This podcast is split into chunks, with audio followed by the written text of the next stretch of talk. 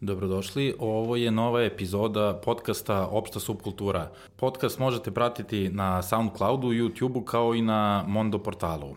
U današnjoj emisiji govorimo o e, humorističkom e, multiverzumu Siniše Pavića, to jest njegovoj komediografiji. E, moj gost je Ivan Velisavljević, dramaturg, scenarista, dramski pisac, teoretičar filma i uposlenik u Reci. Filmski arhivista u Domu kulture Slovenski grad. Filmski arhivista u Otac, Domu... Otac, brat, e, kum i, da. nako, i bugarče. Da, i moj klasić, moram i to da pomenem. Da, to je tačno. Da, tebe sam doveo, osim, ti imaš veliko znanje o domaćoj jugoslovenskoj kinematografiji, e, što o i filmskoj, što televizijskoj, ali između ostalog dobro poznaješ i opus Siniše Pavića. Zapravo malo je ljudi koji ne poznaje e, opus Siniše Pavića, jer on nekako prožima zadnjih 50 godina naših života, ne bih rekao samo televizije i kinematografije. Apsolutno, pa da, mislim, Siniša Pavić je a, pisac a, ne našeg vremena, kao sad mogi tvog i naše generacije, nego unazad verovatno tri generacije i ljudi su toliko pounutrili njegove ovaj, scenarije i, i serije i filmove da ono, to je kao neka narodska sad mudrost, kao što se desilo maratoncima. Da, da deo, deo folklora. Već deo folklora, tako je. Tako prozimo, je. Opšte subkulture. Opšte subkulture. da, da, da. da on, je, on je deo pop kulture, ali on ima tu neku bazu fanova koja ga tretira na poseban način, što ga opet negde može, može svrstati u subkulturnu pojavu pogotovo danas u vreme interneta kad se sve te njegove serije, sadržaje iz njegovih serija i filmova tretiraju kroz mimove, kroz neke tribute videe na YouTube-u i slične, i slične sadržaje. Pa da, da, mislim, nastala je cela kao subkultura, znači ljudi koji ne bi trebalo da vole uh, serije Siniše Pavića, najzad, jer su to bile uh, mainstream, monstruozno gledane serije, popularne, sa malo kao prostačkim, seljačkim humorom, ali sad došla neka generacija koja kaže čekajte, ovaj, da vidimo mi šta tu još ima, pa onda pronalazi neke stvari koje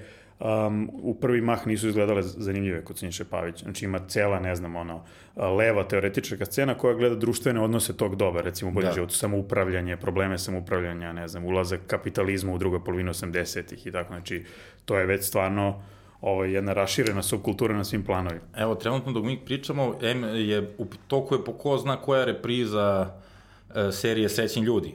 I ja već sam dobio, evo, slušao sam neke komentare, eto, te neke mlađe publike.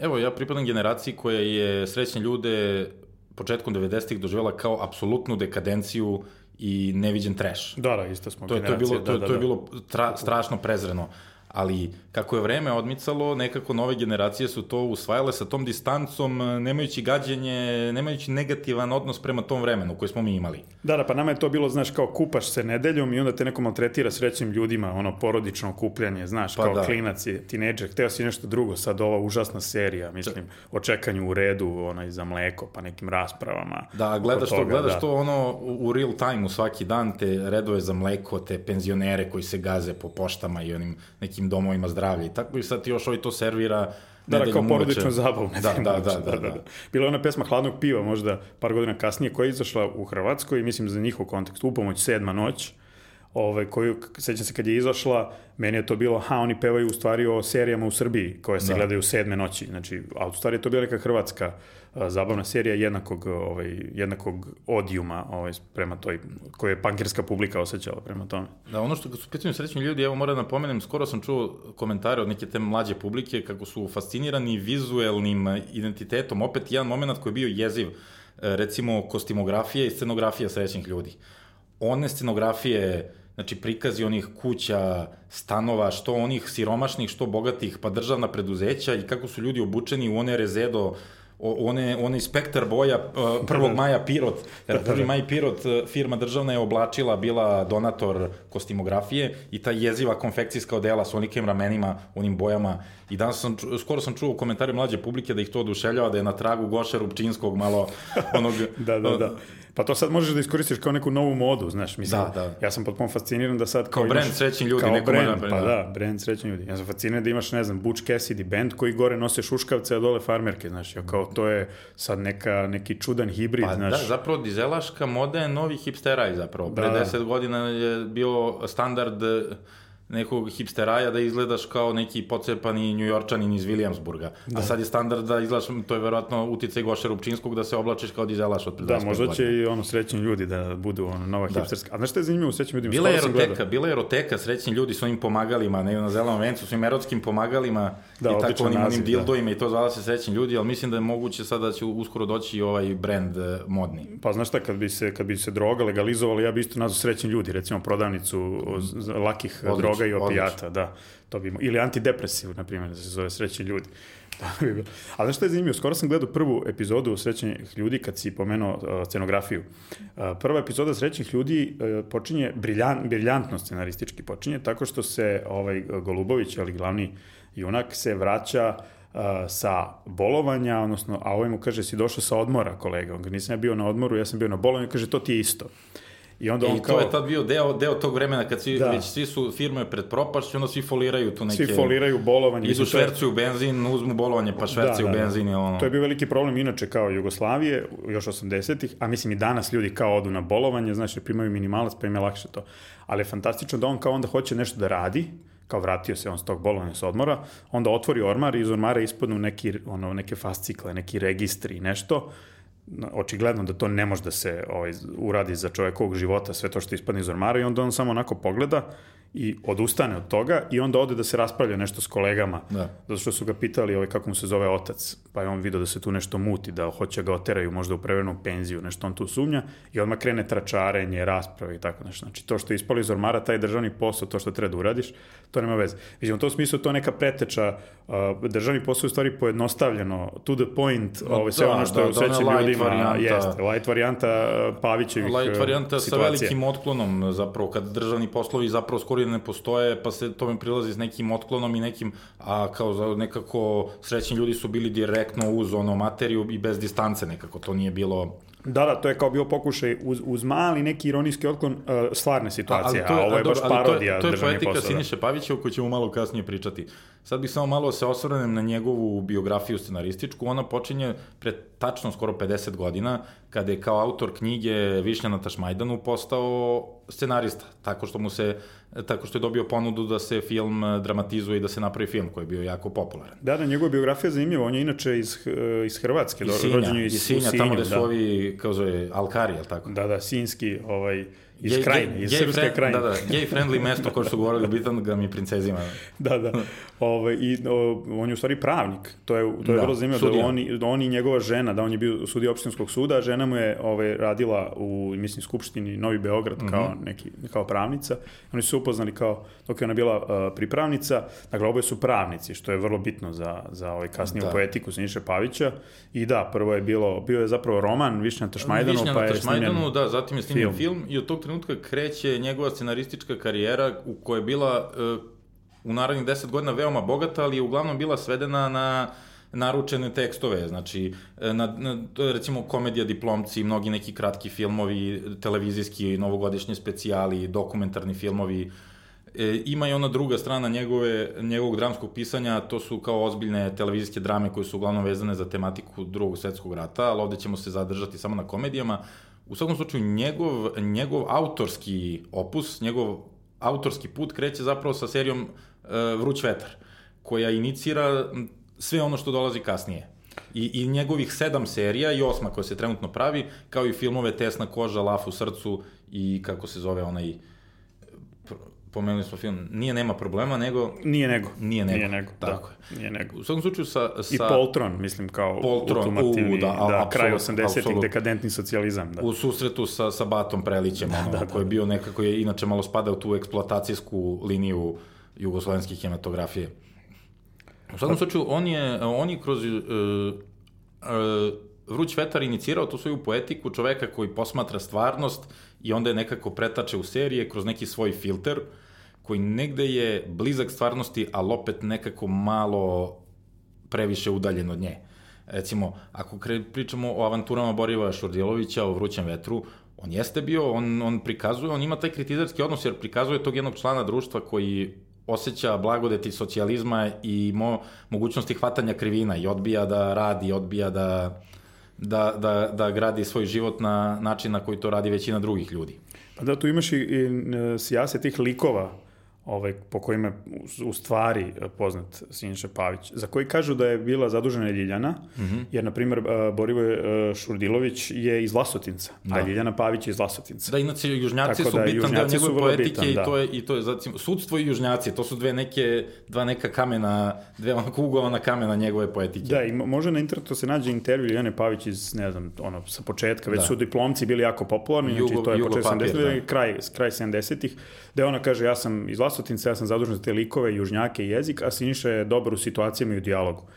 I, ovaj, i Borivoj Šurdilović, ja mislim, ta serija, u stvari Vruć vetar, je uh, baš onako tipična autorska poetika ovaj, Siniše i Ilijane Pavić, i po tim karakterističnim likovima i po tom zapletu, znači po, na primjer, stambenom problemu, ljudi dalje pamte vruć vetar po tome. To, se to je konstantna tema pa, u stvari pa, kinematografije. Stambeni problem jeste bio, to je kraj 70-ih, početak 80-ih, to je bio trenutak kad je bio highlight rešavanja e, stambenog problema. Tad se gradila velika naselja na periferiji, Novi Beograd, Banjica, kad Vidikovac, na. Vidikovcu da. se oni useljavaju I tad su se ljudi, tad je bila ta trka za društvene stanove i to je neko bio bitan deo, Jeste, bitan bio, deo svakodnevnice. I postojala i manipulacija ovaj, čitavim procesom dobijanja stanova. Čime se, on, čime se on dotiče u Tako jednoj je. epizodi. To je epizoda Stan, to je, da. mislim, briljantna Pritom epizoda. Pritom ljubiš taj, taj da. tip koji provaljuje u stan, on je da, taj lik. ali zanimljivo da smo mi na njegove strani. Pa to je. To je jer kao razumemo s, tu negativnu jel, situaciju sa dodom stanu i razumemo njegov položaj i onda smo kao na njegove strane. Što,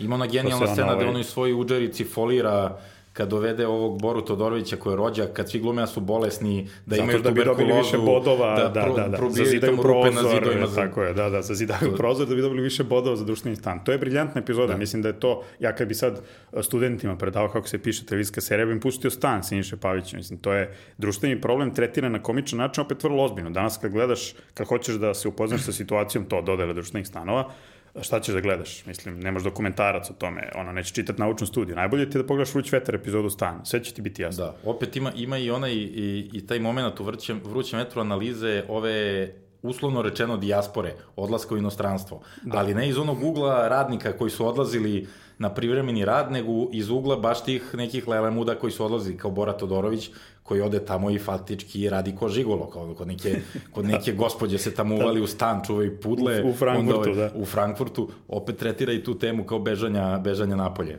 Pa jeste. Koja je tad bila daleko od današnjeg nivoa. Da, da, da. Baš smo juče pričali kako u stvari nemaš, nemaš inače mnogo stvari o gastarbajterima tog tipa, mm -hmm. filmova i ne znam što, serije i tako dalje. Naravno što nemaš, na primjer, o ženama kojih je bilo ogroman broj Jugoslovenke koje su radili, koji dan danas su neke bake tamo ovaj, već druge, treće generacije, a nemaš o njihovom nekom životu. I onda u stvari se oslonjen na tako neistraženu opštu subkulturu ili pop kulturu, gde sam siguran da postoje takvi likovi kao, na primjer, sad Vruć vetar, Gastarbajter, ko bi rekao da u takvoj jednoj seriji imaš, da, da, zapravo da. imaš, to je druga ili treća epizoda, koja se baš zove Gastarbajter, kad Šurda odlazi u, u Frankfurt. Da, u svakom slučaju, nakon, nakon Vrućeg vetra i tog velikog uspeha koji inicira njega, on je bio etabliran i pre, ali ovo neko inicira njegovu poetiku i trasira je. Svi ti motivi koji da, dalje dolaze, znači to su bračni odnosi, to je stanje u društvu u smislu, ne znam, stanja u preduzećima, stanja u, ne znam, m, ekonomiji, ne znam, koje se stalno propliću kroz to, kao i stanje u sudstvu, sud, sudnica mu je omiljeni, da. omiljeno da. poprište osim kao posle, ne znam, bračnih svađa, ono, sudske svađe su mu ono scenema u kojima je on ono, ono, pa da, on ti je, top of the game. Da, da, kao imaš tri stvari o kojima, ne znam da ću seti treće, dve se sećamo, o kojima ljudi inače razgovaraju. To je znači e, ljubavna veza, odnosno ljubavni partneri, stambeni problem, krona glam i posao. I to ti je kod Siniše Pavića su te tri stvari neprekidno u centru pažnje. Što je znači, manje više u svačijem životu su neki kao ključne tako tačke. Tako to su tri ključne ali tačke. Ali on ih tretira kroz, taj, kroz tu prizmu društva u kojem živi, mentaliteta i, i nečega što je osobeno za... Znači, prosto ne možeš u američkoj seriji na takav način da da predstaviš ljubavni odnos ili egzistenciju ili... Da, da, tu je sve malo kao pomereno, malo sve se gleda sa, sa humorom, a i imaš ovaj taj stav uh, što, kao prosečan, dnevna doza prosečnog Srbina, gde ti ga pitaš koliko je sati, on ti kaže kupi stan, mamuti, kupi sat, evo, kupi stan, da, maš da. To je kod Siniše Pavić, znači onda oni uvek dođu do neke sudnice, gde imaš briljantne likove advokata, ne znam, svi se sećaju advokat Radujković, kog glumi Petar Kralj u boljem životu. Mislim, ima, da, da, da. ljudi seku na YouTube-u uh, scene u kojima briljira ovaj advokat i stvarno Pera Craig ga je odlično odlično glumio i to su neverovatne uh, dijalozi uh, vidi se da je neko ko poznaje sudstvo, a koje, um, koje je upoznati sa naš dramskom nekom tradicijom, tako da je to često na ivici teatra absurda. Ti kad slušaš šta oni pričaju u sudnici, znaš, niko nikog ne razume, Pa da, pa onda... postoji, postoji nešto što je u nekom prikazu vrlo blizu stvarnosti, ali onda u istom trenutku napravi vrlo vrlo veliki odmak od stvarnosti. To je, to je ta neka doza kojom on, to je možda čak i njegov umeće, on uspe to da... Jeste, jeste, u, uspe da ti, da ti napravi absurdno, a opet da ti je prepoznatljiv stvar. Što opet i zasluga možda Aleksandra Đorđevića, reditelja, koji je umeo da... Pa umeo sigurno, da da, nađe da Aca Đorđević i. Miša Vukobratović su jako dobro ovaj, znali da tempiraju tu vrstu naš dijaloga. Koji deluje ti uverljiv, pazi, na primjer, baš ta prva scena srećnih ljudi. Ljudi, mi smo kao se smejali tim dijalozima, govorili smo kao, joj bože, pričaju nebuloze. Ali u stvari je to dosta uverljivo. Znaš, oni dođu i pitaju kako se zove vaš otac. To je prvo što pitaju ovoga Golubovića. Ranđel ili Aranđel? Pazi, to je kao kod Beketa. Znači sad, ono, jedno slovo, drugo slovo. Ali u stvari je dosta uverljiva situacija. To, to je, da. Da li je Ranđela, jer to birokratski tu, tu može da se... jedna i drugi moment, a to je njegovo doziranje dijaloga, jer on je uvek dobio da uradi užasno veliki broj epizoda. I sve to razvlačenje dijaloga je taktika koja se možda nekad dobro primeni. Nekad se dobro Znaš, ono kad primeni, da, to ću ja dobar kažem, dan, da. dobar dan, koga tražite? Gospodina Stojkovića. Kog Stojkovića? Stojkovića koji radi ovde. Ovde radi Stojković. Da, jedan visoki gospodin. I tako, Da, da, da, tako to, je. to je njegova fora bila za uspeo. razvlačenje dijaloga kako bi uspeo da mu serija traje 50 epizoda. Ali u isto vreme e, Da. prikazuje ti mentalitet, jer znaš, kao sad neko te dođe u firmu i pita te uh, za nekog Stojkovića, ti si sad u fazonu, daj čoveče, ono, Odje- skini mi se, odjebi, da, da. nemam, ne znam, ne radi nam, nemamo struje, znaš, to je često na šalterima. Ja ovde sam zatrpana, Po- nemamo pobogu struje. čoveče. Pobogu čoveče, ne mogu da doručkujem, ti si sad došao da tražiš Stojković. Ali, na primjer, u ovoj prvoj epizodi baš dobro, jer uh, je neočekivano. Znači, ovaj se vratio s bolom i oni ga pitaju kako zove vaš otac. On pita, čiji otac? znači, to je kao, E, ti- čiji otac, kako čiji otac? Ti si isto jednom pre dosta vremena dobro primetio jedan od light mo- motiva pare, ali u dijalozima, da se spominju pare stalno.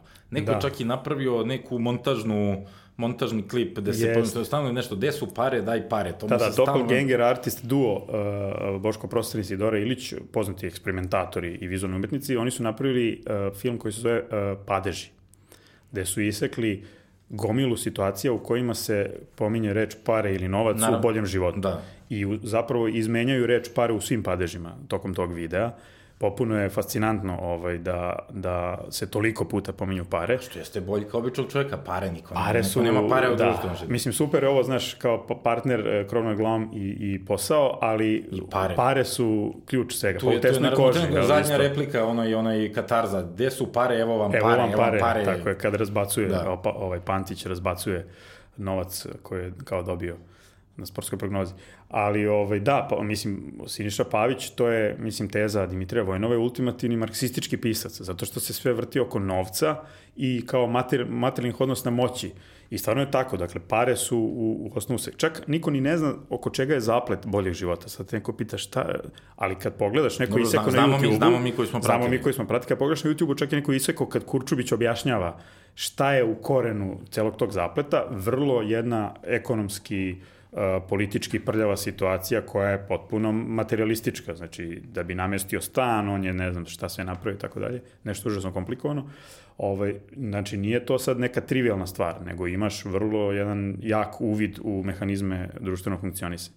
Tako da je to da, pare su da. Znaš, u, u svakoj trećoj sceni, u svakom filmu i seriji kod njega. Apsolutno, da. Nakon Vrućeg vetra dolazi jedan ogroman uspeh gde on izlazi za kratko iz televizija, to je Tesna koža, film koja mislim da je gledalo pola Jugoslavije, tu ne, ne, ne znam se tača brojka, ali u pitanju je milionska gledanost ozbiljna, gde on opet nastavlja na tom tragu e, priče o običnom, s tim što on inicira kroz Tesnu kožu e, porodičnog čoveka kao junaka.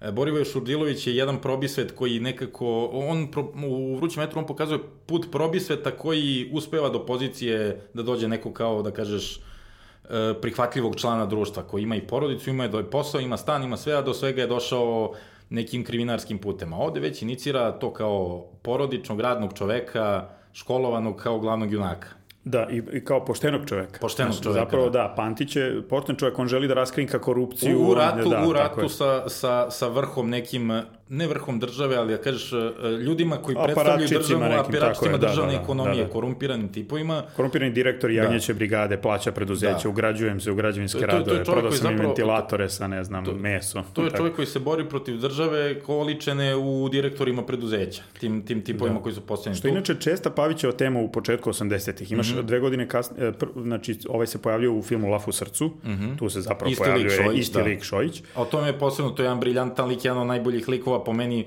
u jugoslovenskoj kinematografiji. Ne, ne, apsolutno, vrlo prepoznatljiv, koji je preživio do dan dana, znaš, kad je napravljen 81. Što pokazuje da, Bela Lađa, Bela serija Lađa, u, koji, u koji Šojić i dalje postoji kao I imaju briljantne glumce, mislim da se ne lažemo, ovaj, da, da Najbolje. Nikola Simić i Ilane Gutović, fantastični komičari, znaš, koji su mogli da iznesu te likove, videlo se da to niko drugi ne da, može. Pa, pa i svi oko njega, Ružica Sokić, Rahela Ferrari, da, da, da. ekipa. Kasnije valjda Petar Kraj glumio kad je nešto e, bilo da, oko prava. To je ali, dekadentnoj fazi, da. Ali videlo se da, naš Nikola Simić je ipak ne, ne može, čovek koji, koji, koji to odglumio.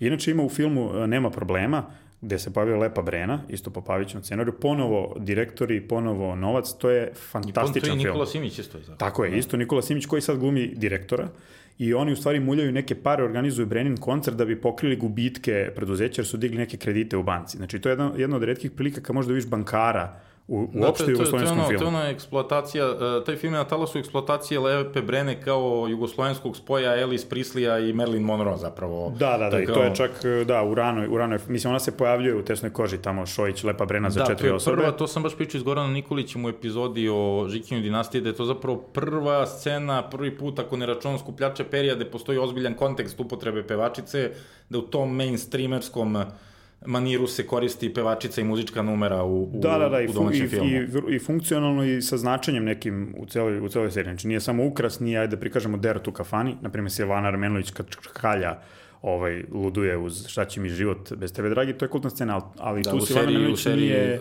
Ljubavno seoski način. Tako je, ali tu sad nije, nije o tome serija. Mislim, nije, ovde je da, o Lepoj Bren, ovde je zaista kako direktori koriste pevačice, hoće da se domognu para, e, ono, erotskog uspeha, žena, sve nešto muljaju. Znači, o tome je Da, to je, i to je vrlo jasno da se plasira Brena kao neki brend domaći koji, koji je nekako je product placementovan. No, u... apsolutno, to je kao pop star vehicle, što bi rekli ovaj da, Hollywood. Ona je trebalo da donese gledanost tom filmu, mislim, zato što je bila ovo jako da, popularno isto vreme da njoj donese ne, za razliku to opet za vraćanje da. skupljača perija Olivera Katarina ima vrlo ulogu recimo skupljačima perija ona je uklopljena u film kao lik kao ona ima nešto ovde je bukvalno nekako uglavljena. Da, da, da, da, ali mislim s te strane e, što si rekao kao borba poštenog čoveka sa direktorima, sa korumpiranom tom e, elitom, menadžerskom klasom, da. kako se tad govorilo. Da, Nisu tekno, bili tehnomenadžeri. da.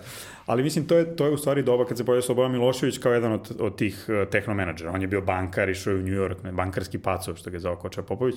Dakle, to, to je prikaz tog vremena dosta uverljiv i, mislim, društveno relevantan. Da. I ako se ti sad smeješ, možeš kažeš ha, ha, kao u filmu nema problema, Nikola Simić glumi direktora koji je rešio da gaji neke ribe, valjda. Mislim, oni se uopšte ne bave uzgojem riba, ali oni su digli kredit da gaje neke somove, pa im je to naravno propalo, pa onda sad korupcijom mm. pokušaju da, da umuljaju pare. To je kao smešno, haha.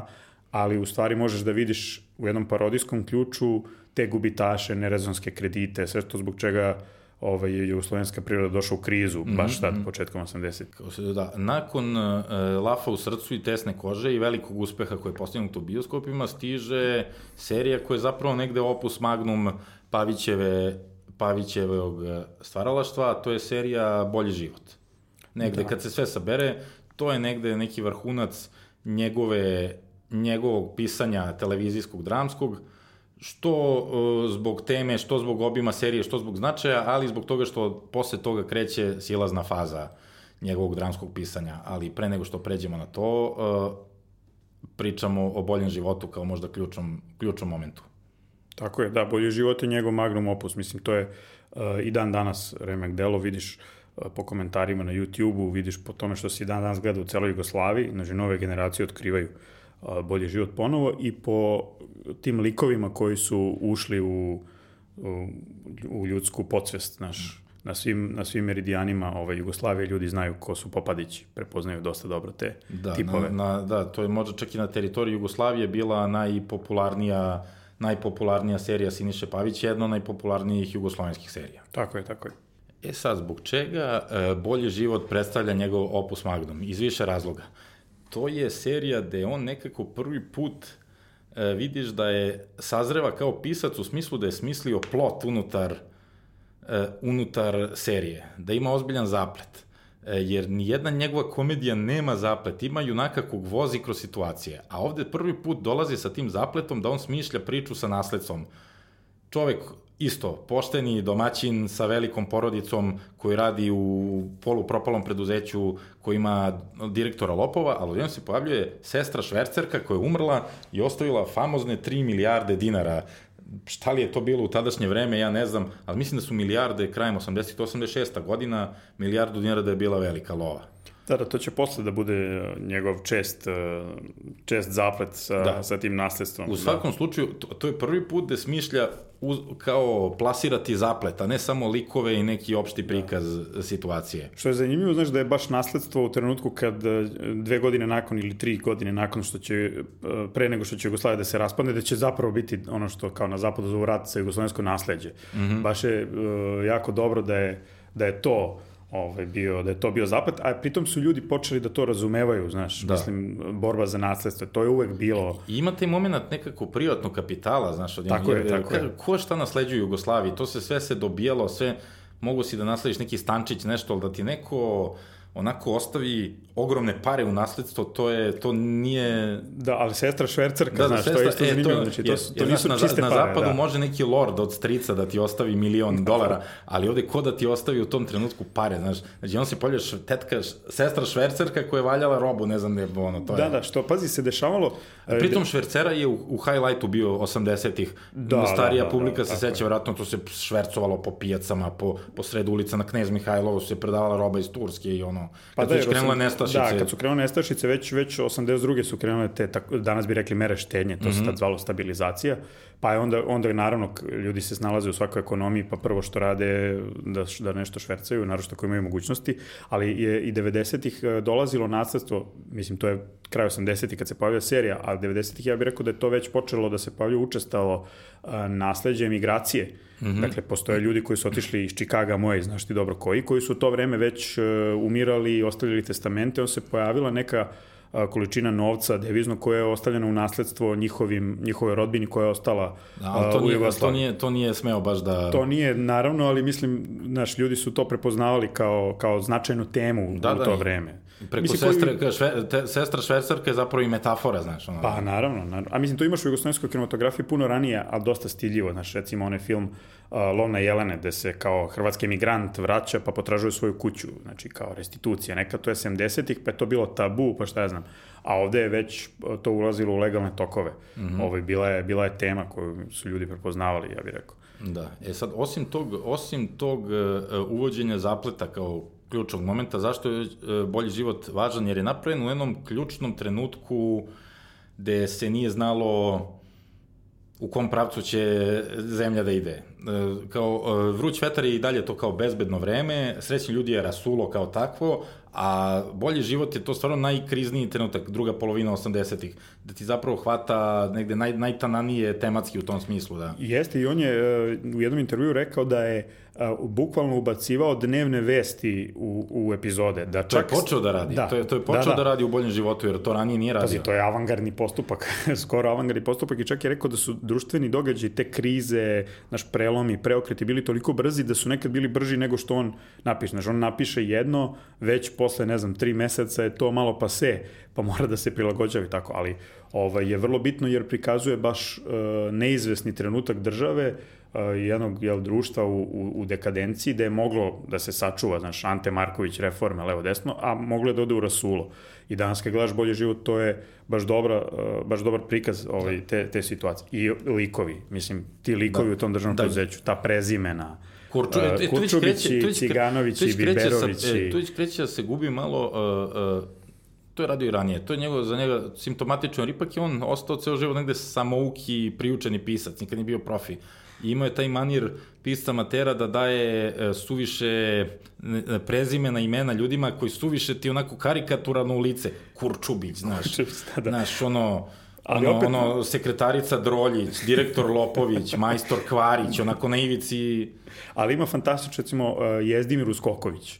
Znaš, to je kao dosta uverljivo ime za za ovoga što ga je glumio Dušan postoji, Poček, pa, jel sam, to je? Pardon, postoji reciklaža. Taj Kurčubić se pojavljuje dva filma ranije, ja mislim u Lafu srcu nešto. Isto ima nekog Kurčubića, znaš. Da, da, da, da, Kurčubić, Jatagana, znaš, uh, dobri su i neki nadi... Jesu malo karikaturlati, definitivno su, da kažeš, tipski, tako da ljudi, da ljudi dobro to, ovaj, da prepoznaju odmah ko je kakav. Mm -hmm. To je kao ovaj poenta, poenta svega toga, ali znaš, ja sam fasciniran uopšte uh, načinima da to smisliš. Ja stvarno ne bih umeo to da smislim, razumeš, tako, da oni što se stalno žali da je bolestan, ko, koga glumi Dušan Poček, to je meni jako pečatljiv da, lik. hipohondar, da. Da, da hipohondar, ovaj koji se stalno nešto žali, nešto kuka, on je Jezdimir Uzkoković, to je baš, znaš, neki kao uh, komšija iz kraja možda zamisliš da se neko zove tako starinski Jezdimir, pa još Uskoković. E da, kad su već kod e, kao starih, starinskih stvari, e, starinskih vremena, u boljem životu uvodi jednu stvar isto koja nije ranije bila simptomatična za njegove komedije. A to je da uvodi taj moment da su glavni junaci, e, to jest muž i žena, Marko Nikolić i Svetlana Bojković, ona iz stare građanske porodice. Da, da, ima on, taj klasniji on, kao... On je taj da, da, da. došljak, on je taj ono proleter došljak što je došao sa Morave i snašao se u velikom gradu i studirao, a ona je iz stare, ona je old money, znaš, ona je, taj stan je njen, salonski... Da, da, sa visokim sve, plafonima. Da, da, da, visokim da. plafonima, ona više puta govori kako je odrasla u novcu, posle se pojavi onaj ujak jebivetar iz Pariza tamo koji kupuje švalerkama bunde. Znači ima ima taj sukob tog klasnog što ranije nije koristio. Da, da, što je što imaš i u Žikinoj dinastiji. Da, to da, što da. sam rekao ste da ste razgovarali o tome. Ovaj uh, koji je ja mislim baš baš pokretač dosta situacija i dosta njihovih unutrašnjih borbi. Jer jer je to spoj uh, tog kao narodskog Gige Moravca ipak obrazovnog čoveka, ali i dalje sa tim seljačkim, ovaj, srpskim nervom, a, i, i ove kao hoh malograđanske kao klase. I onda su zanimljiva deca koja izlaze iz takvog spoja. E, tu je ključ a, de, boljeg života. A, a deca su vrlo tačno inicira neku budućnost. Jer ima ovog malog e, Bobu, koje vidiš preduzetnik u najavi, vidiš da će se taj 90-ih najbolje snaći da, da, da, da, Boba Muljator. da, da, i imaš ovu sestru, glumicu, starletu, nešto onako Držnene, da. i ovog starijeg koji ono pušta da ga, ve, da ga reka nosi. Da, da, da, da kao intelek, razočarani intelektualac sa resantimanom a, a, kockar. A, a nije čak znaš, intelektualac, da, da. više tako neko... Čovjek koji je odustao, da, da, koji bi mogao da bude intelektualac, nije, nije odustao jer nije da pokušavao. Kocka, da, da. da. To je, ovaj, da, da, pa mislim... Koji se šlepa preko nekih veza s nekim kao doktorkama, preko, znaš, ono, to je ali vidiš e, preko te dece u stvari vidiš opet razne neke spojeve, znaš, e, ova se udaje Violeta, pa hoće biti, neće biti, pa ko je familija, ovaj, dolazi ova e, familija. A to se insistira da, tu pritom malo, jer to su već krenule nacionalne tenzije, je, da malo, jer ona i doktor za kog se Violeta udaje, on je dalmatinac tamo tako iz Splita. Je, dolazi pa Boris malo, Dvornik. Pa daš da. malo, malo to, malo pokušavaju da stišaju nacionalne tenzije, dolazi onaj Šjor Lujo, tamo Boris Dvornik, di ste prio, da, da, ma, da. malo igraju na kartu uh, pokušaja da se kao održi bratstvo Što je plemenit pokušaj, znaš, da. plemenit pokušaj da kažeš evo ovi narodski iz Dalmacije nisu ništa sad manje s, uh, narodski od ovih Šumadije. To je na nivou da. Breginih poslednjih pesama. Jeste, jeste, ja, ja štujem to malo je malo onako ta uh, kemp postmodernizam, ali tu je ono... Da, da, da, a Boba onda ple, odlazi u vojsku. Pokušaj, svaki. Imaš isto nacionalne tenzije, vrlo, da ne pričam u, u drugoj sezoni u vojci, mislim, to je ono postavka njih pet u bendu, svaki iz druge republike, to je ono da, naš da. jedan kroz jedan, to je karikiranje, ali jako dobro funkcioniše. Karikiranje, ali, ali da. da, zanimljivo, jer oni imaju bend, pazi, da. o, to je isto kao Jedno metaforički. Jedno mi nije jasno bilo zašto nema Makedonca u tom bendu, valjda je, valjda je Siniša Pavić smatrao kao južnjak da Makedonija pripada Srbiji. Stara Srbija, da, da, da. I, ne, I nema Kosovara. Da. da, ali ima odličan trenutak kad Nikola Kojo kao Hrvat koji vodi bend. A da ovaj... pevaju makedonsku pesmu, da, da, to je ključ, pesmu. jer to ih pomiri. Kad onda se Crna Gora straži gusle, onda on kaže poštivam gusle kao dio nacionalne tradicije, ali to nije glazba. Onda je kaže, no što je? Znaš, da, imaš da. kao te tenzije na nivou uh, nacionalnih simbola. Znaš, da, da, a, a Slovenac je jedini akademski muzičar, što je ono kao, pogledaš kao, Slovenci su naj, ono, uvek rigidniji sve, ovaj jedini ima muzičku akademiju, kao do te mere taj prikaz, ono, Slovenac je tu... Ali vidiš kad smo kod muzike, ovaj dobro za to nije zasluga Siniše Pavića, ali jeste mislim važno da se pomene je muzika za bolji život. Voki Kostić i ta e, tema da, ja hoću to, život, pri, bolji pritom, život koja je u suštini džezerska, tekst je napisao Ljubiša Bačić, ovaj glumac, to je u suštini džezerska tema koja se primila kod naroda pa, peva Dado Topić. Kad je muzika u serijama u pitanju, evo i u filmovima, Uh, u Vrućem vetru imaš, imaš kao se zove Olivera Dragovića u tesnoj koži da ne pričam, jedan od najboljih Da, jugoslovenskih Bilja albuma. Čorba, Jugo, da, ceo je. album Bulja pijaca je iskorišćen u albumu. To je tad bio manir svetskih filmova, to je recimo Kockar i bludnica, ceo album Leonarda Cohena ili u Diplomcu Simon i Garfunkel. To je taj manir, to je jako dobro. Tema koja je pravljena za bolji život je isto vrhunska sa Dadom Topićem. Ono što kreće posle sećih ljudi, ono malo kreni, malo stani, tu, je, tu, je, Da, da. E, e, tu vidiš survavanje čak i na muzičkom planu. Da, ali isto je, znaš, to- sve nastalo iz uh, nemaštine 90-ih, mislim, iz, iz tog ekonomskog stanja tad, znaš, nije, nije ni moglo da se napravi tako nešto spek... Ovo je stvarno vrhunac, ovo mi smo stalno govorili, kad smo puštali muziku, ovaj Dimitrije Vojnov i ja, na U-Wave večerima, mm. -hmm. ovaj, da, je, da je to toliko dobra muzika, toliko dobra zemlja da je moralo da se raspadne. Da. Tako ti ovo, bolji život je stvarno vrhunac, da imaš temu kao što je bolji život. Pa ima i cela ploča, izašla, izašla je ploča, soundtrack, Bolji život, da. Gde su izvarirali tu temu s Dadom Topićem na više načina, ima kao funky, ima kao neki disco, ima kao... što Da, da, da, bilo- ima, pa nešto, Voki Kostić je bio ozbiljan, ozbiljan kompozitor te Naravno. na, namenski primjenjene muzike.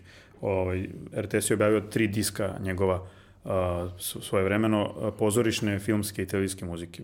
Fantastične stvari, mislim, ovaj, u svim žanrovima. Tako da je, znaš, Vo- Voki je bio dosta važna figura za, za to. I mislim i, i, reditelji uh, s, Da. s Pavićevih serija, njih smo pomenuli, Aca Đorđević, Miša Miša Vukovratović, ovaj, su bili e, naš preteče današnjeg, mislim Miša još uvek režira, a, današnje te hiperprodukcije serija gde mora da se radi brzo, gde mora da se snima brzo, gde mora, naš, a sve to mora bude precizno da se, da se kasnije uklopi. I imaš je fantastičan na YouTube-u zapis e, dokumentarni sa snimanja boljeg života. A, gde A, možeš ono, da vidiš kako Pavić i izgleda na Bogdan setu. Tirnanić i ovaj Mandić. Tako je, pojavio se i tu, i tu se pojavljuje i Miša, znaš, koji kaže mi smo trčali za tekstom, tekst je trčao za nama, gde vidiš e, način proizvodnje, znaš, da da je Siniša morao brzo da piše, Siniša i Ljiljana su morali brzo da, Da, pišu da, da, te da. scenarije, da su morali da ubacuju dnevne događaje, znaš, da je sve to moralo da se filtrira, nije to kao danas snimano za, za dan, dva epizoda, imalo se više vremena, ali opet je moralo da se snimi, koliko ima prve sezone, 80 epizoda, recimo, ovaj boljeg života, znači... Ne, ne, ne, cela serija ima 80. Cela serija Prva ima, znači sezona pet- ima 30, 40, tako nešto. Da, ok, znači svake nedelje A ima praktično što je bio, tam, po, da ne pričam što je bio baš hollywoodski manir, ima i bolji život The Movie između dve sezone, to je Da, ono... koji je, to je inače bio ulazak omiljeni u- film Slobodana Miloševića. To je u Jeste. jednom intervju rekao, da, da, bolji život. Ja eh, mislim da je on rekao bolji život, misli na seriju, da on baš nije nešto razliku pravio između filma i serije, da je to ko, ko, ti, to ti ko, ko te pitaju šta voliš Žikinu dinastiju, ko, nešto, Da, da, neki da, da. omni... Da, da, da, to je to, ali, ali zanimljivo, znaš, da je, da je, da je to kao bilo da, mene, to se bez obzira da li je serija pušta ili, za 8. da. mart, to je ono u onom korpusu ovih tesnih koža i Žikin dinastija, ono novogodišnji repertoar. To. Da, da, da, da. Ali to je, čak nije to ni loš film, znaš, kad pogledaš kao, Nije, nije kao loš. neki spin-off, jel, velike serije, ima neku celinu, mislim, može da se gleda. Meni je fascinantno kako su oni snimili sve to u jednom kratkom vremenskom periodu. Znaš, kad pogledaš, Siniša Pavić je u stvari veoma produktivan pisac. Da, brz, jako vreme. brz i... Da, brz, eh, produktivan i, i veoma popularan, što je kao Dickens svoje vremeno je pisao, znači ti čitaš sad Dickens vremena i kažeš pa čekaj, ovo su, ovo su remek dela, kao on je to pisao na nedeljnom nivou za novine. E, pa to je i Tolstoj, valjda, ne znam ko je, da li je Rana Karenjina pisana ili Ratim, Pa ne, dosta ne, ne, toga neki je, da, veliki roman tako je je. pisao u delovima za dnevne novine. Dosta toga je da objavljivano u novinama i tako, samo što je Tolstoj imao više vremena. Dickens je baš bio taj kao pisac profesionalac, znači još je stigo da, ne znam, ima tamo pozorište neke, da ima desetoro dece, da ne znam, samo pitaš kako. Ovaj, znači, to je taj stara, stara škola ovaj, profesionalnog pisca. I u stvari ti nemaš mnogo takvih scenarista kod nas. Znaš, to Gordan Mihić, Siniša Pavić, znači da imaju i poetiku, a da su bili veoma produktivni. Pritom Siniša Pavić ima, mi, smo, mi sad pričamo o komedijama, ali, ali Siniša ima vrlo ozbiljan opus tih istorijskih drama. Da, Banjica, poslednji čin, e, što, Da, da, što, da, To, da. je, to je ozbiljan, ima to, to drugo krilo celo. Odlazak ratnika, stvarno. povratak maršala. Znači, i to su jako dobre serije. Da. Mislim, jako dobre televizijski filmovi ili, ili serije. Banjica je se- Čak se fenomenalna. njima bolje snalazi kao pisac nego u komedijama. Negde u, valjda on lično možda komediju smatra za manje, manje ozbiljan žaner, pa se tu malo opušta i tako. A to je često tako, Da. znaš, pisci Jeste. kao, znaš, kao Boris Bizetić, on je uvek mislio da su njegovi šlageri za Mikije Vremovića, njegov opus, u stvari njegov Iluzija. je Njegov opus, smo Rausu, kako da, da, na, napravio. e, Bolji život se završava u leto 91. baš u trenutku kada se završava Jugoslavija i s te strane on jeste nekako zanimljiv što je on nekako bio ateriranje jedno Da, kažu da je to poslednja e, emitovana serija na celom Poslednja jugoslovenskom prostoru. poslednja Da, da, da, da, da. Inače, bila strašno popularna, u to sam imao prilike da se uverim, recimo krajem 80-ih kod strica u Novoj Gradiški, to je cela naša, to je, to je Hrvatska Slavonija, to svi gledaju, to je ono bilo, nije se, uopšte nije bilo taj kao, da, to je, da je to neka srčka serija. Ma to je da, pa to je čak popularno. i reemitovano, uh, bile su reprize pre 4-5 godina Da, kažu u da ko- Hrvatskoj i bilo je kažu isto da si- jako gledano, da. Da, kažu si da nas na Kosovu gleda bolji život na YouTube-u, kao da je to ono. Da, da, da, da, da. Pa to je ovo što nas je spajalo, znaš. Da. U svakom slučaju, bolji život se završava 91. S time se završava se Jugoslavija i završava se jedna celina e, relevantna, da kažeš, u opusu Siniše Pavića. Ono što posle toga dolazi je jedna, da kažemo, dekadentna faza koja nerealno traje i danas. Bez obzira na gledanost, bez obzira na to popularnost njegovu, kreće sa srećim ljudima, tu se već vidi drastičan pad u odnosu na bolji život, pričali smo već o njima dosta, Da, Ali da, ono- se, i u stvari su srećni ljudi njegov opus 90-ih. On je zapravo samo to napisao. On je počeo porodično blago negde krajem 90-ih, ali to je kulminiralo 2000-2001. To je bio i nagledani film i serija i tako Da, dalje. a Ali srećni da, ljudi su tiče to što je napisao ono- 90-ih. U srećnim ljudima je zanimljivo to da je, kad gledaš koliko je on uh, najveći taj odmak u tom operisanju od stvarnosti, koliko on hoće da prikaže jedno vreme gde je počeo rat, gde vladaju sankcije, gde ljudi švercuju robu, gde je plata tri marke, gde se gubi posao, ali kad gledaš taj filter njegov, način kako se to prezentuje, to nema veze sa životom. Najbolji moment, recimo, prikaz gangstera koji igra ovaj Dušan Golumbovski. Znači, u tom trenutku, to je početak 90-ih, imaš film kultni Vidimo se u čitulji. Ti jasno vidiš kako izgledaju gangsteri 90-ih. Knele, Bata Trlaja, Divac, Da, Grebe to nema veze. Ovo je A puno drugi strani imaš u seriji ovog u Odelcetu, čak- benignije, da, da, da. to je prikaz ono iz komedije iz 50-ih gangstera sa nekim onim telohraniteljem u crnom sa crnim naočarama koji se zove Rocky. Koji, Da, znaš, više je Zoran Čalić, poetika uh, toga čak nije, nego, da, nego čak da. nije ni Čalić, ne, Da. to je ono, potpuno neki autohtoni ono... Vidi, teško je bilo, znaš, uh, raditi po principu boljeg života. Uh, Vreme je bilo toliko suludo mm -hmm. i toliko ubrzano uh, i toliko se drastičnih promena desilo. Znaš, to rat, slom jednog uh, državnog sistema, uh, sankcije, ne znam, znaš, gubitak jedna zemlja, druga zemlja, uh, opozicija, demonstracije. Vrlo je bilo teško da to uđe uh, na televiziju u, u toj meri, a pritom, znaš, ni televizija nije bila baš otvorena u to da. vreme, TV Bastilja, ovaj nije baš mogla da dozvoli da sad uh, ubacuješ, ne znam, proteste opozicije ili, ili ozbiljnije nema, nije kriminalce bilo toga. ili neku spregu, znaš, države Ali on se mafije. drži sigurice, korumpirani direktori, tipovi koji otvaraju detektivske agencije, e, vračare i gatare, kroz ono, opet, opet sve to neko nema veze sa ono likovima da. koji su to, pazite, gledaj, ako pitamo vračarama i gatarima, te tad imaš, imaš e, transgender osobu Kleopatru, imaš onog Ljubišu Trgovčića, imaš neke kompletne ludake koje ne možeš ni u najluđim snovima da zamisliš, a on to prikazuje u seriji kroz nekog buleta Goncića sa šeširićem u onom modelcetu crnom na pruge, šarmantni kao tip koji nešto uhuhu, treće oko ima na dž... Ne, Da, da, nije, nije uspeo da, da ovaj, tu ludačku stvarnost eh, nekako kanališe naš, u umetnički relevantnu formu. Ali teško je, znaš, ko je, ko je pa uspeo. Možda samo Dragojević, kad pogledaš u ranama, koji je u stvari popeo tu stvarnost još na treći. Pa on je što je kao nekako, a, kokainska, on je, kokainski on je prikaz te napravio neku artificijelnost koja komunicira sa odpornością. Da, da, da, da, ovde nije, A ovde, nije to. mislim, i ovo je neka artificijelnost, ali nekako nije sračunata, nije, nije iskalkulisana. Makar ima odlična ta situacija sa, sa Nikolom Simićem ovaj, u kući Aranđela Iristane Golubović, koji je kao njihov podstanar, pa on traži svoj neki izlaz, pa prolazi stalno njima kroz dnevnu sobu. To je sitkomovski da, pa potentna ulazi, situacija koja je prepoznatljiva. Tu čak ulazi u neke Looney Tunes momente, znaš, kao ovaj njemu postavi kljuse za lisicu, ovaj mu prolazi kroz dvorište, postavi kljuse za lisicu koju možda amputiraš nogu čoveku, razumeš? Da, da, da. I kao, ha, ha, postavi mu, pa uzima pušku, mislim, znaš, nema se zajebavati ko to radi. Jesu ljudi tad bili ludi i agresivni, ali kao, znaš, postavljaš čovek, mislim, mada ko zna, radili su ljudi svašta jedni drugima tada, to je bilo, to je ali tačno, malo, da. kao, naš, ona keca je, vadi pušku na... Kad razmišljaš da, da bi to moglo da bude sitkom, da je sve dozvoljeno, svakakve vrste preterivanja i Looney Tunes momenta, to bi moglo da, da zaigra. Problem je što to nije sitkom, nego mm. je uklopljeno u ovu uh, starinsku sapunica porodična serija ovaj, sa nekim uplivom društvene relevantnosti i onda to, to baš ne uspe. I pritom, znaš, slabi su glumci u glavnim ulogama. Desko Stanović ni u najluđim snovima još bude Marko e, Nikolić. Da, to mu jedina, di, jedina digresija kad pogledaš da uvek kao leading actor je bio super zvezda i super glumac. Da. Ljubiša Samarđić, Nikola Simić, Marko Nikolić, da, Lane posle Gutović, toga, da, posle da. toga u glavnoj ulozi ovaj, kako se zove, Miša Jankjetić, u onim dolarima Berček, u Beloj lađi Gutović, znači on uvek ima i vrlo jako glavnog glumca. Ovde se nekako odlučio, valjda, outsidersko vreme, pa je tako našao outsidera iz Niškog pozorišta. Ne? Da, ne da, da, nekog kao čoveka iz naroda, znaš, koji treba baš da glumi tog jednog kao smotanog, nesnađenog oca porodice kom se sve sruči na glavu, pa Pritom mi kao s njim se osjećamo. Nije loš, samo nije nema, loš, vidiš da nema, da. vidiš da nema kilometražu, kao nema recimo. Nema kilometražu, nema, nema tu vrstu harizme, ovaj, znaš, koja je potrebna da bi se to da. izgoralo. Ali dobro, ima... Ali bio je neko dobar one hit wonder kad tu gledaš, ako ga tako posmatraš. Jeste, jeste. Ali ima ovih mlađih, recimo, ovaj, Dubrovka Mijatović je tad a, imala neke epizode i tako Danilo koje su Lazović, vrlo... Danilo, Danilo Lazović, jest, pa jest. i ovaj Dragan Jovanović, ti, ti epizodisti. Jeste. To... Tu, tu je krenuo da vadi negde iz naftalina one, one, znaš, drugarice Zaza, pa Lepomir Ivković, one neke va, Da, da, da. Tu je lik Šćepana Šćekića koji glumi Danilo koji danas pamte ljudi srećne ljude, pa to je kao nešto najsmešnije. Pa ono, to, to rivalstvo, Marko Nikolić, kao onaj južnjak, kao Bata Shane.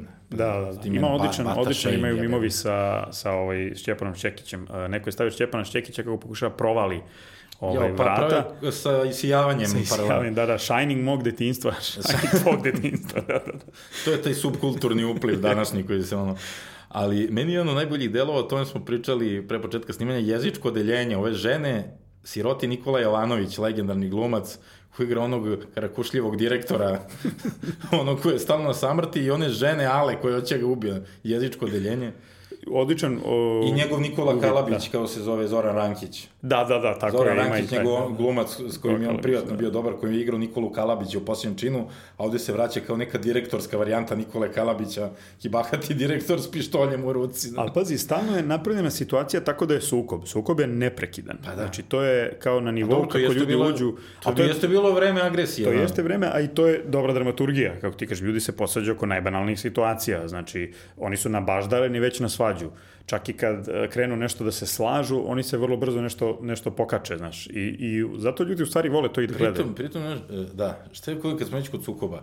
E, on u mnogim serijima ima momente za koje bi danas bio obešen u NGO krugovima, Recimo tipa, kad dođe tretmani žena i homoseksualaca u nekim momentima. U vrućem vetru, kad upadne kod onog tipa kog valjda igra Bata Paskaljević ili ne znam ko, koji malo i feminizara i nosi periku, kad mi kaže, slušaj peškirče, nemoj da te pridavim. Da, da, da. I ono scenu sećam ljudima kada... Ali dobro, šta bi takav čovjek ovaj, rekao, znaš, posad, ja sam za pravo, najbolje, da, razumeš, to pa je da, uverljivo iz tog lika, da, mislim. Ima onaj odličan moment, uh, u srećim ljudima, uh, Golubović se posvađa sa ženom i oni se nešto derenđaju jedno na drugo tamo u, kao u sobi gore, a onda padne seks pomirenja. Aristana presluškuje i misli da je ovaj bije i oduševljena što nju bije i kaže Aranđel šta radi, evo dovodi je u red, znaš ono, kao pazi, majka koja je oduševljena što sin bije svoju ženu jer ono kao, pa to je danas ono, znaš, kao ono, da, to je za te. Ne, ima takvih momenta, ovaj, koliko hoćeš, mislim, seksualno uznemiravanje, ovaj, koje likovi sprode, pa, tipa Šćepan Šćekić, pa, da, ono, na, nad raznim dođe, ženama. Pa gleda, ono upada, Rankić kako uđe u, se, u, u kancelariju naguzi onu sekretaricu, znaš, ono, pričam što da. pozadnje, pa mislim, ono, neki, sa neka silovanja u pokušaju, isto je i direktor, znaš, ono, Jeste, mobbing jedan kroz jedan. A pazi, ja sam skoro gledao Variolu Veru, kao čuveni naš film i tako da je. To šta rade Šebeđe govori medicinskoj sestri, ove, što da, mi Vladica Milosavljević, pa to je, ima, a, ima, htio sam da vam kažem da imate fenomenalno dupence. Da. Znaš, i, i sad ona kao s njim, posle kao ulazi u neke erotske kontakte, mislim se, ono, sexual harassment level 1000, znaš. Pa, pazi sad, pitanje, opet što je rekao, pitanje, možda mu je dala, možda mu je dala ulaz. Je, da, da, i to što je da, no, da. Nećemo, nećemo to sad. Da, da, da. možda, hm. ali jeste, mislim, uh, ali pazi, uh, uh, vrlo često su ti, da ne kažem, u svim serijama Siniše Pavića, su to patrijarhalni ljudi patrijarhalnih shvatanja.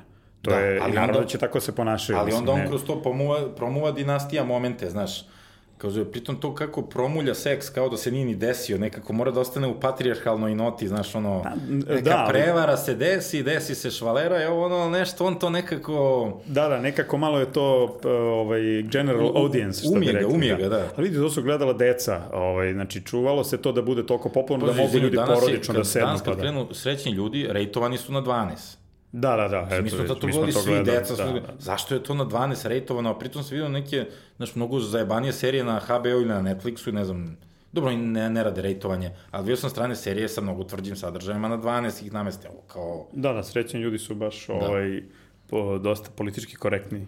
Mo, možda zbog političke nekorektnosti, znaš, kako danas... U svakom slučaju, posle sećih ljudi dolaze serije e, porodično blago i stižu dolari, na kojima se ne bismo previše zadržavali, jer ipak negde su to neka silazna putanja, gde on opet tretira vreme, kraj 90-ih, onda tranziciju početkom 2000-ih, gde se dosta nije snalazio mnogo. Tu je već ušao u neko štancanje. I ušao je malo u, karikiranje južnjaka. Jeste, znači, Tika, Špice i Đoša su baš... A onda stiže Bela Lađa koja negde doživljam kao srpske TV Avengerse, gde, gde se desio taj multiverzum, je spojio, gde je spojio sve likove iz svojih pet serija ubacio u jednu.